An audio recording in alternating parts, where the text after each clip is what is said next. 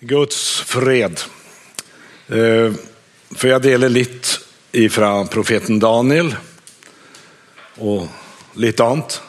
Så vill jag bara säga några eh, få ord om mig själv. Jag räknar med att de flesta inte har pejling på vem det invandrare är.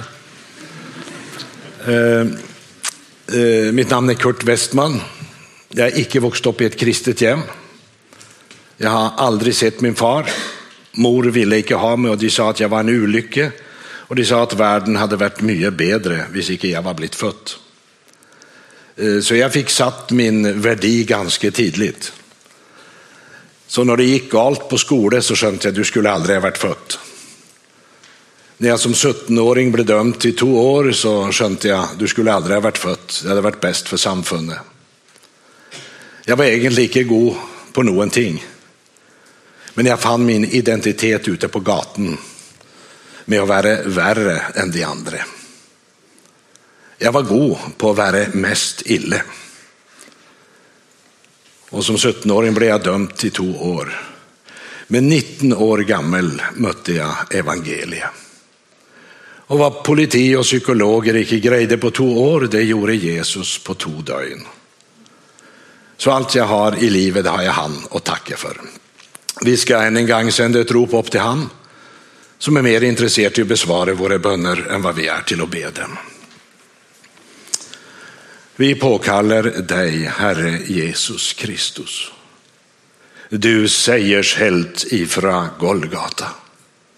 Som på den första påskemorgen från din tomme grav proklamerade din totale seger över synd och död och helvete.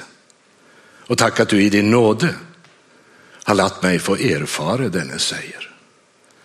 Och nu ber vi Jesus att vi också i vart enkelt hjärta här i ska få göra den erfaring. Hjälp oss att se något mer än det legemliga öjet ser.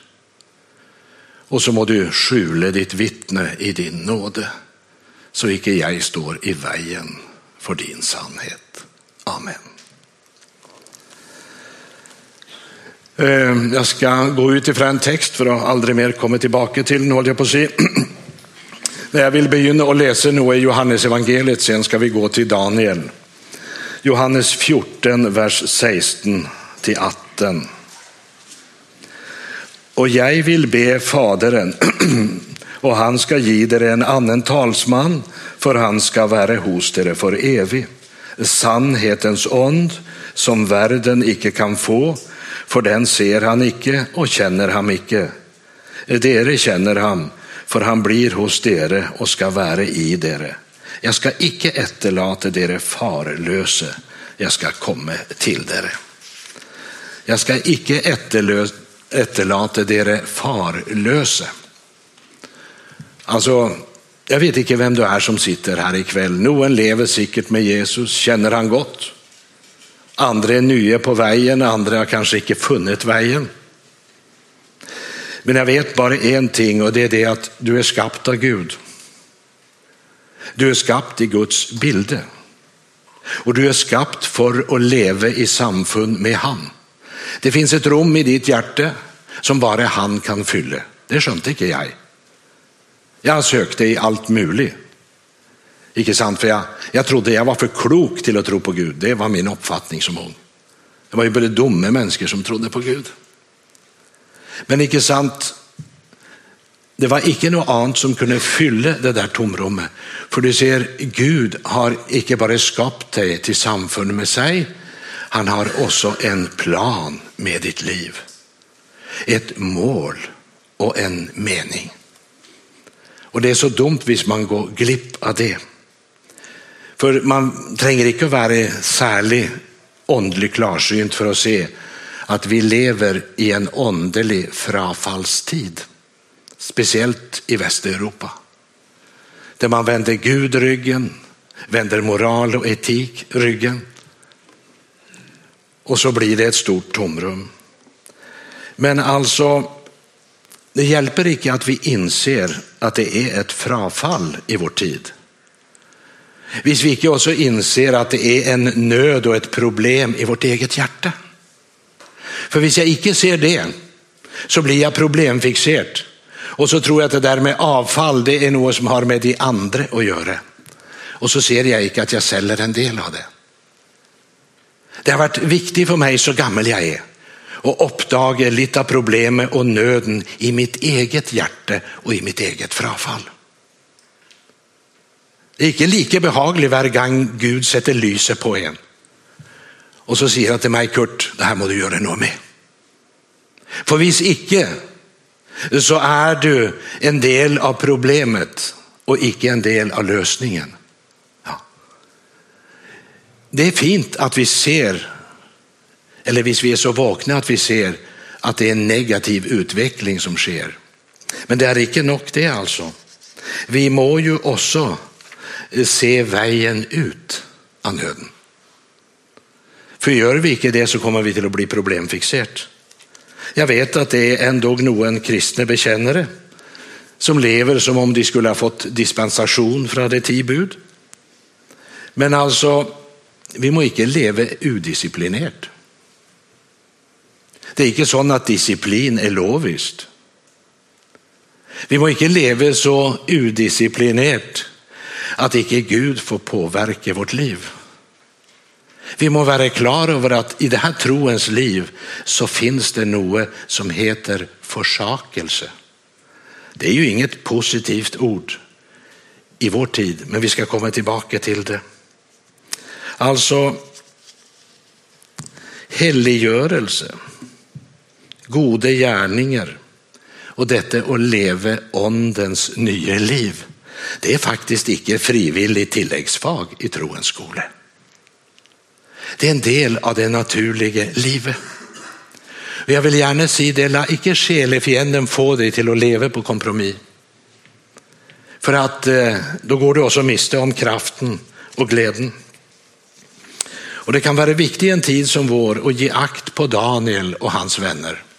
Du kan läsa om det i Daniels bok. Du kan gärna slå det upp när du kommer hem. Och bli icke förtvilet om du icke förstår allt du läser. Jag menar, när jag begynte att läsa den här boken så skönte jag svärt lite. Men, men det var nog, det var skapat en hunger i mig, jag måtte finna ut. Inte sant? Jag hade ju prövat det mesta i livet, men det här med Gud hade jag aldrig undersökt. Det var en meget gammal man, han var lika gammal som jag är blivit vart. Men jag var bara 19 år den gången när jag mötte han i hembygda. Och så sa han, god dag Kurt, och har du det med Gud? Ja, sa jag. Nu är de där äventyret icke något för en eh, vuxent modernt människa. Ja, men det var ju fint att höra, sa han och så gick han. Hallå, sa jag. Eh, var det fint att höra att jag icke tror på Gud? Nej, sa men det var ju fint att höra, sa han, att du äntligen har läst boken från perm till perm, för det har du alltså gjort. Nej, det hade jag inte. Ja, undskyld, sa han, men jag kanske förväxlar dig med någon annan, sa han. Jag, jag trodde du var den där artisten som var för klok för att tro på Gud. Jo, det var mig. Ja, sa han, jag vet inte hur det är i de kretsar där du går. Men i mina kretsar är det ju inte rena särskilt intelligent att recensera böcker man inte har läst, sa han. God middag, och så gick han. Och den satt. Ja, jag var så intelligent så jag recenserade böcker jag icke hade läst. Nej. Alltså, och för att säga det så, jag, jag var beredd att tro på nästan vad som helst, utom Gud. Det är, min inställning var att det enaste jag var riktigt säker på det var att det var icke sant det som stod här. Men jag var ju heldig som fick att det vart komma till en annan tanke. Vi ska slå upp i profeten Daniel får vi se hur länge stämmen håller. Jag är inte så god att det gör något. Och korna sa idag att du ser inte god ut. Nej, så jag vet det, så men, men jag, jag tar nog en painkillers och så reser jag till Stavanger och så får vi se hur långt vi kommer. Alltså, jag, jag kunde bara inte låta vara att komma idag. Daniel kapitel 1. I Judas konge Joakims tredje regeringsår drog Nebukadnessar, kungen i Babel, till Jerusalem och belägret byen. Herren övergav Judas konge Jojakim i hans hand, likaså en del av karene i Guds hus. Nebukadnessar brakte karene till Sinears land, till sin Guds hus, och han satte dem i sin Guds skattkammer. Kongen sa till Aspenas, sin överste hoffman, att han skulle ta med sig någon av Israels barn, både av kongeätten och av de ansatte familjer. Unge gutter som var utan lyte, med vackert utseende, som la för dagen all slags visdom och hade ävner till att vinna kunskap och få insikt i vetenskap, slike som var skicket till att tjäna i kongens slott. Dem skulle han ge uppläring i kaldéernas skrift och språk. Kongen fastsatte deras dagliga tilldelning av kongens fina mat och av vinen han drack. I tre år skulle de få uppläring och när denna tid var till ände skulle de stå i tjänste hos kongen. Bland dem var Daniel, Hananja, Mishael och Asarja av Judas barn. Det var någon speciellt utvalda av de som fördes bort i fangenskap. Det var någon som kom från kongelig familj eller höjt ansette familjer och de skulle väljas ut. Sådana som visste att de både kunde lära och brukas.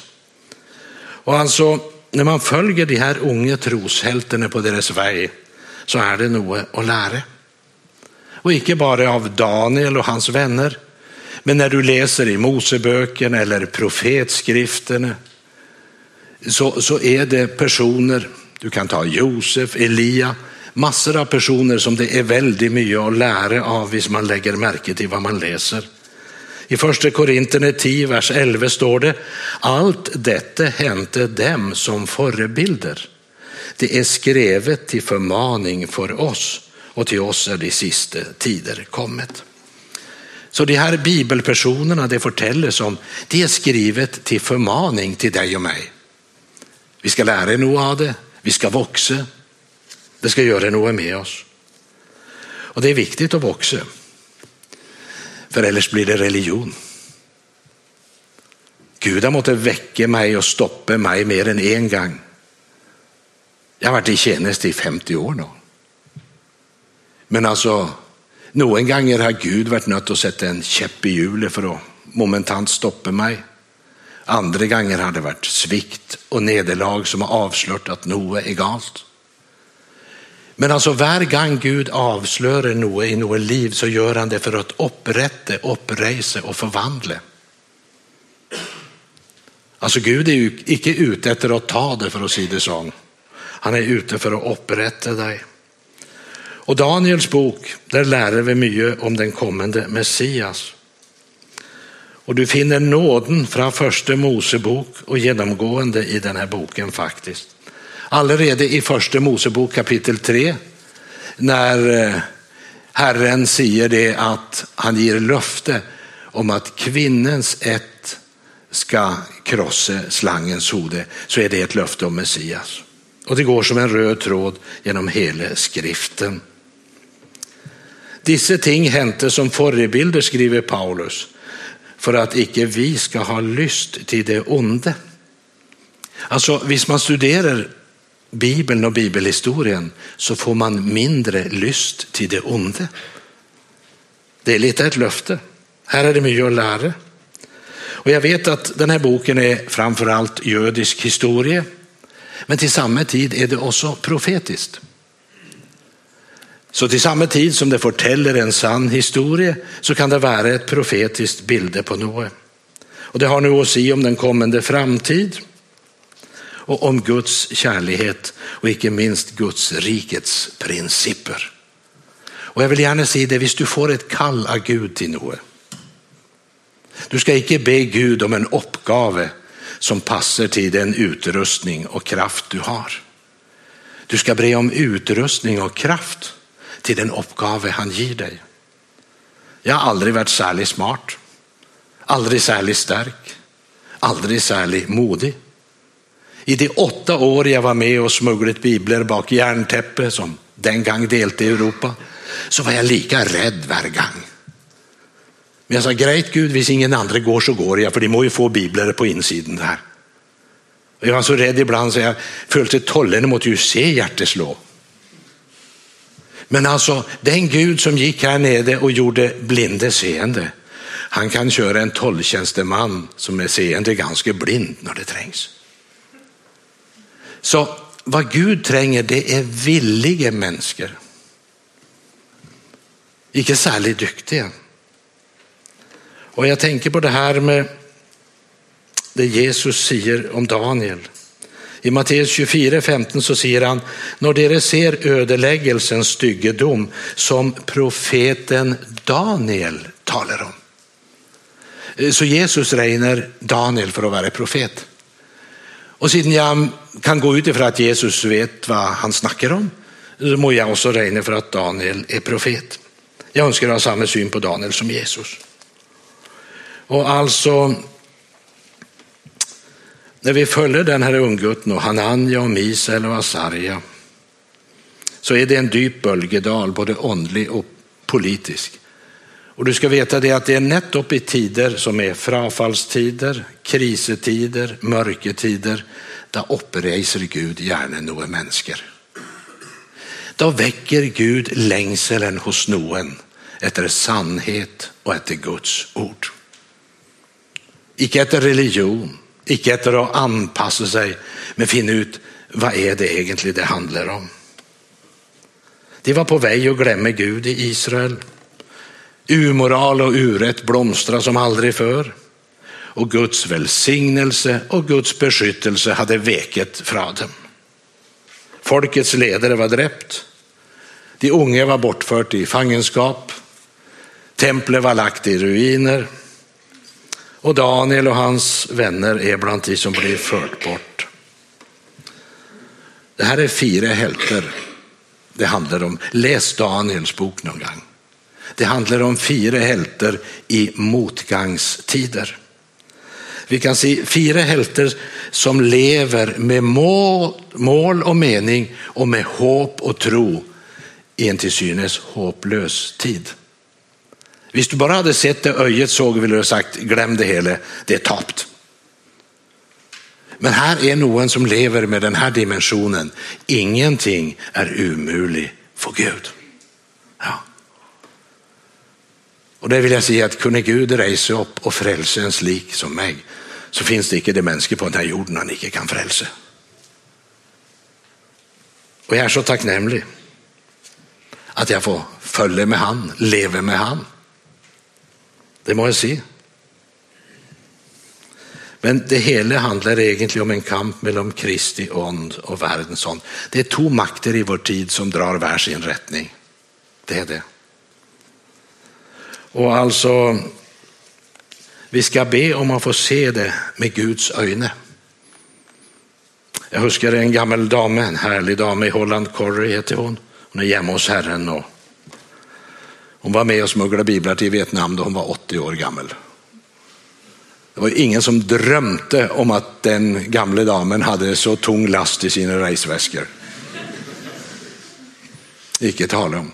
Och broder Andreas förtalte att sista gången han besökte Corrie på sjukhuset då, de hade snackat samman och så är han på väg ut så säger Corrie, se ned. Och så tänkte han, ja nu går det på slutten för Corrie. Och så sa han, jag skönner vad du menar Corrie, du menar se upp. Nej, sa hon, jag menar akkurat det jag säger, sa hon, se ned. Vad menar du med det, sa broder Andreas. Ha alltid Guds perspektiv på tingen, sa hon. Man ser det bäst ovanifrån. Så läs och studera Guds löften, sa hon till broder Andreas, så du får se tingen ovanifrån. Och det var någon flotte folk som blev utvalt. De skulle ha förstånd på all slags visdom. Vackert utseende, ja här hade man blivit gallra ut alltså.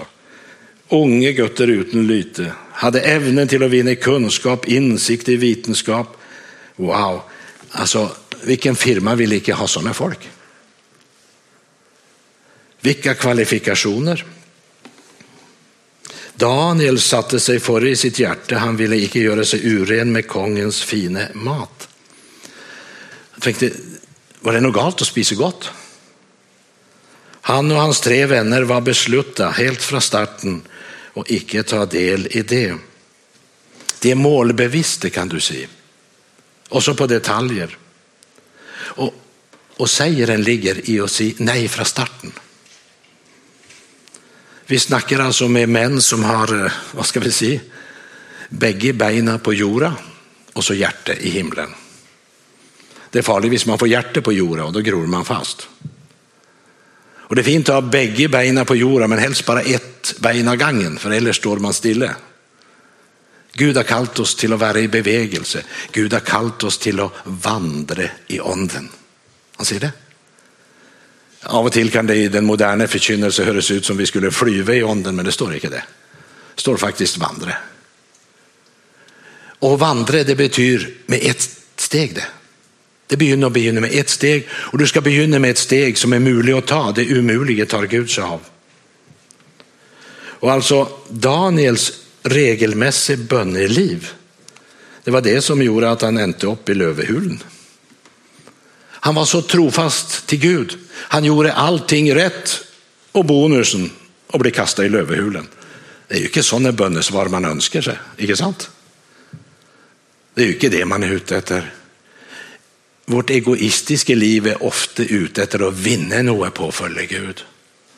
Men så tänkte jag det att om Gud kunde salva vår tros öje så vi kunde se Noa Kristi härlighet stråla fram så han fick fylla oss med kraftens, tålmodets och visshetens ond och icke minst den helige förväntning.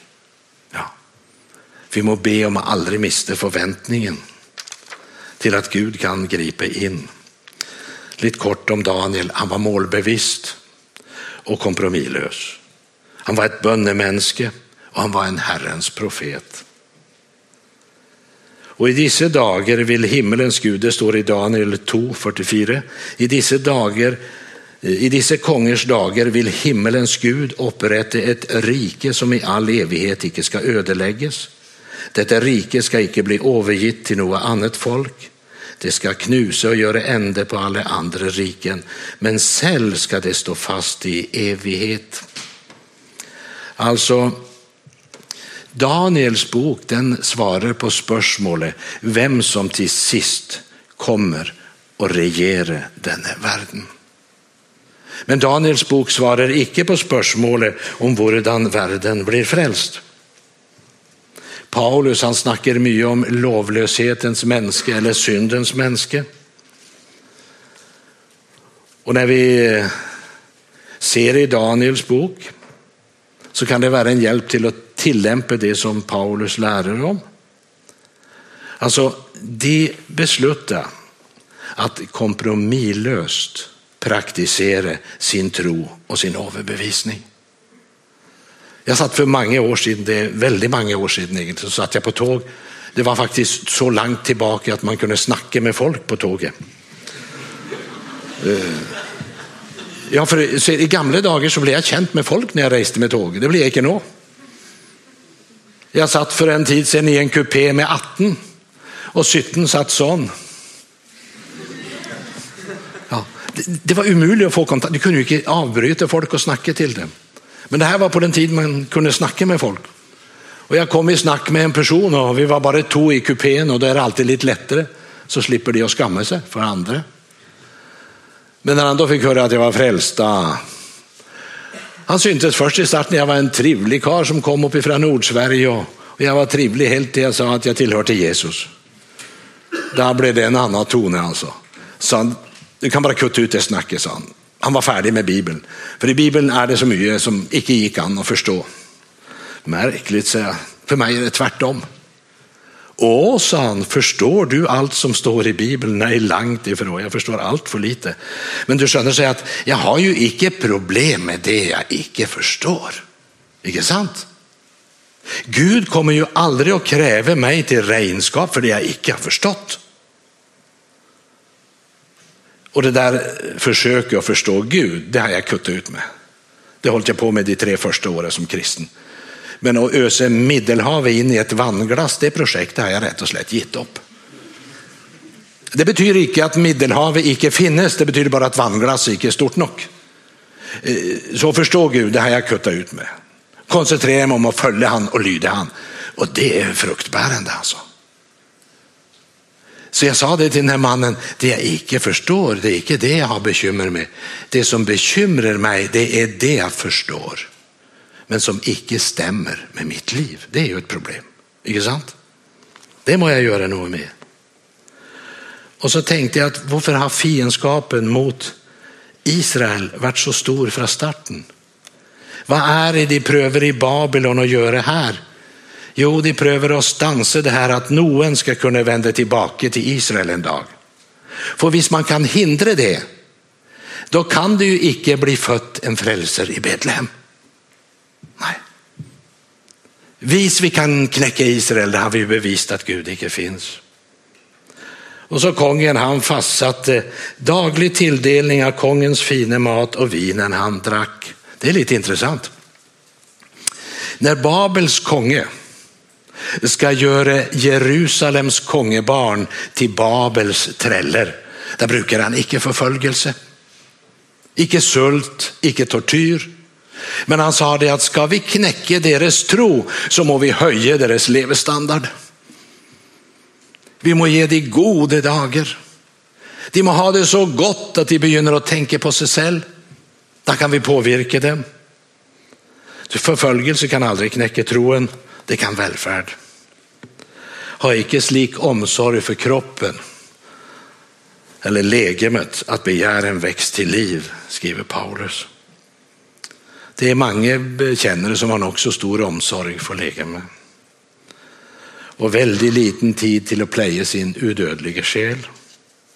Lite tid till att pleje troens liv och leve i troens atmosfär. Man har frukost till fastetider, lunch till fastetider, middag till fastetider. Men bara några få minuter till bibel och bön. Och så lurar man på varför man sliter med troen. Jag hoppas det är som att sluta och fylla bensin på bilen och lura på varför han går så dåligt. Paulus snackar ju om att hålla läge med i trälldom, det vill säga vi ska ta ansvar för kroppen. Det är jag dålig på, säger kona. Hon är mer som grönsaksdame hon. Det är lite vanskligt för en gammal konditor, vet du. Nej, vi ska ta vara på kroppen, vi ska det. Vi ska inte stoppa i oss vad som helst. Men så är det ju så grejt när man man finner ju alltid normer som passar och som undskyller, inte sant? Jag tänkte ju länge och speciellt som nybliven evangelist, jag måste säga, jag skönner inte att vi levde på den lönen. Eftervärt har ju blivit till att leva med på en predikantlön. Men alltså oavsett oss det var så, jag tänkte ju sån att eh, frosseri, det kan ju inte gälla oss. Vi hade ju så lite pengar, inte sant? För jag jag skaffat mig en egen norm för vad frosseri var. Frosseri, det var att ha mer än mig. Inte sant? Då gick ju jag fri. Och så kunde jag missunna de som hade mer och missunnelse är synd. Nej, vi ska inte låta åndens liv kvälas. Men du vet, hvis vi sätter nytelse och välväre efter några år som kristen så, så förförde själefienden mig till att bli upptatt av min egen lycka. Han visste på ting i livet som gjorde mig olycklig. Och så sa han att det var så viktigt för mig och så började jag bli så upptagen av min egen lycka. Jag har aldrig varit olyckligare i hela mitt liv. Och då kunde man ju tänka att där ville Gud förkasta mig. Och det ville man ha förstått. Efter all godhet han har visat och jag visar bara motvilja. Men istället kommer han med en förnyelse och en förvandling. Och så gör han något som gör att han rättar mitt blick mot det jag har och det är det du ska göra. Rätt din blick mot det du har oavsett hur lite det är.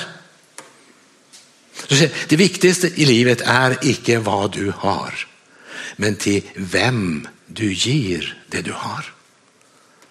Reklamen vill få mig upptatt av det jag manglar.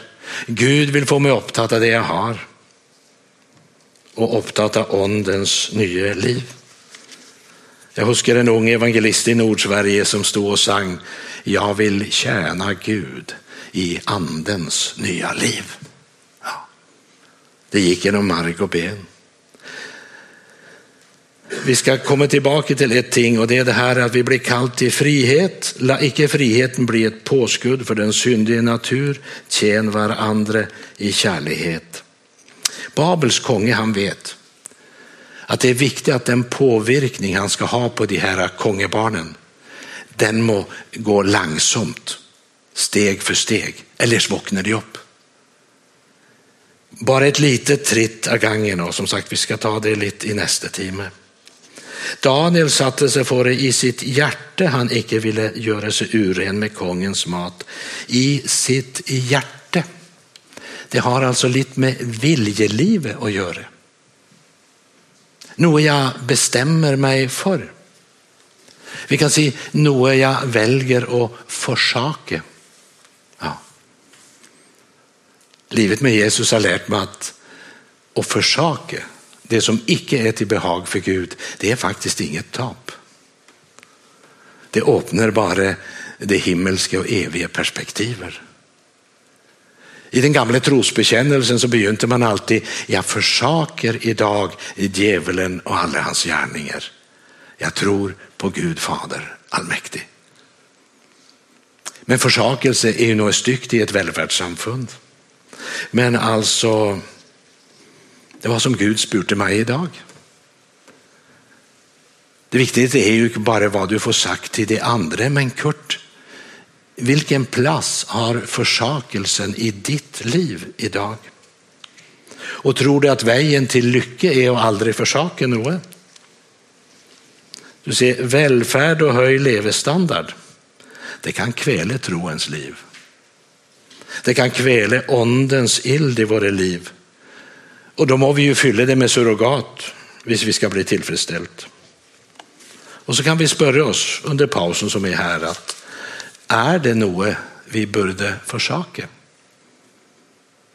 Tränger inte att svara mig, svar för din Gud. Jag har säkert något jag må ta itu med. Är det något jag bör försaka som ellers kan hindra min åndeliga modning? Eller är jag mer upptagen av att berge fasaden? Icke miste ansikte. Vi må vara mer rädd för att miste hjärta. Det var icke en eneste liten kompromiss i Daniels liv. Har det något att säga till oss som lever idag? Jag tänkte för en hel del år sedan, det var från järntäppetiden. Jag satt i utkanten av Praha efter samlingen så kom en ung jente fram och sa, eh, du kommer från Sverige.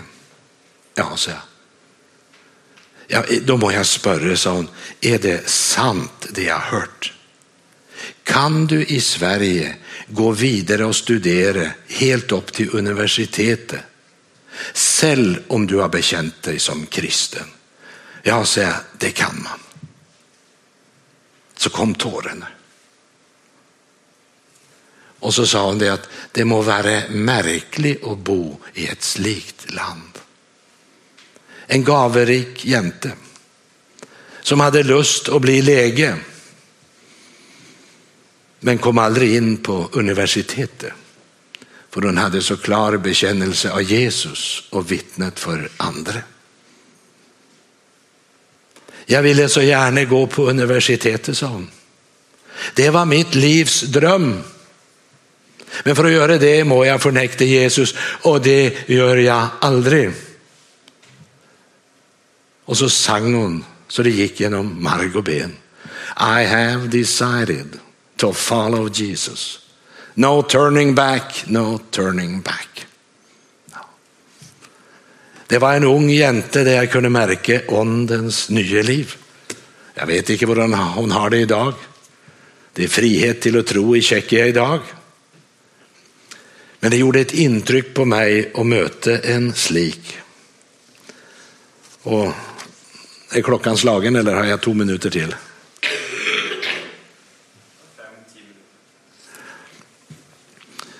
I Iran blev en man fängslet. Kona var blind. Och det är ingen hjälp att få för familjen när en familjefader är fängslad där. Och sönnen han fick efter lang lang tid ändelig lov att besöka sin far. Han hållit inte på att få lov till det en gång. Och när han kommer till sin far så beklagar han sig hur vansklig det är hemma, hur umulig det är med mor som är blind och ingen intäkt. Och... Vänt, sa faren. Det är fel. Du ska icke fortälla din Gud vår stora problem du har. Du ska begynna att förtälla dina problem, vår stor Gud du har. Det är rätt perspektiv. Och det säger en man som sitter och väntar på dödsstraffen. Ja. Icke fortäll Gud vår stora problem du har. Fortäll dina problem, vår stor Gud du har. En Gud som är värt att följa. Och Daniel, han är ett exempel. Han har lärt mig att det går an att leva ett heligt liv i en fullständig hednisk omgivelse.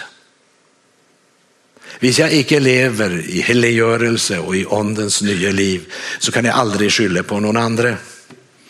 Jag har prövat på det länge, jag vet du. För jag hade ju så vansklig familj, inte sant? Jag hade ju så vansklig kone och jag hade ju så vanskliga barn och jag hade ju så vanskliga arbetskamrater på konditori och jag hade ju, ja. Det tog lite tid för jag skönte att det var jag som var vansklig. Ja. Det är ju inte hyggligt att uppdaga det. Men alltså, när man uppdagar det så går det att få gjort något med det. När, vad var det som höll på att ske i mitt liv? Jo, jag är ju skapt av Gud och det betyder att jag har ju ett behov för det fullkomliga. Det har vi alla. Men när Jesus icke fick fylla det behovet så må jag ju söka det hos andra. Hos mina arbetskamrater, hos min kone och hos mina barn. Jag blir ju en förfärlig far och äkteman. När jag söker hos de något som de icke har förutsättning för att ge så blir det som skulle vara en välsignelse en förbannelse.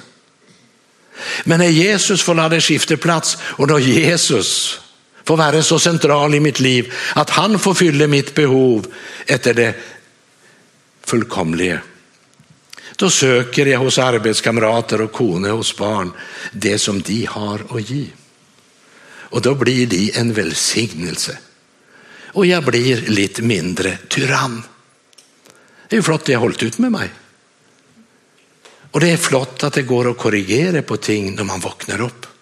Men jag vill gärna säga det så här, visst Gud, den här helgen eller i närmaste framtid visar dig något. Låt det få en konsekvens. Ta konsekvenserna av det du har förstått och inrätt ditt liv efter det, även om det skulle innebära försakelse. För det är inte bara försakelse, det är alltså välsignelse och evighetsperspektiv.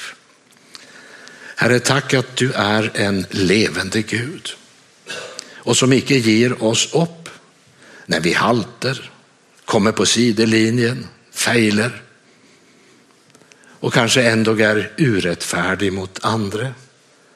Så kastar du oss icke ut, du säger du är där skapt till ett rikare liv än det här. Kom, begynn på nytt. La mig resa dig upp. La mig förvandla ditt liv.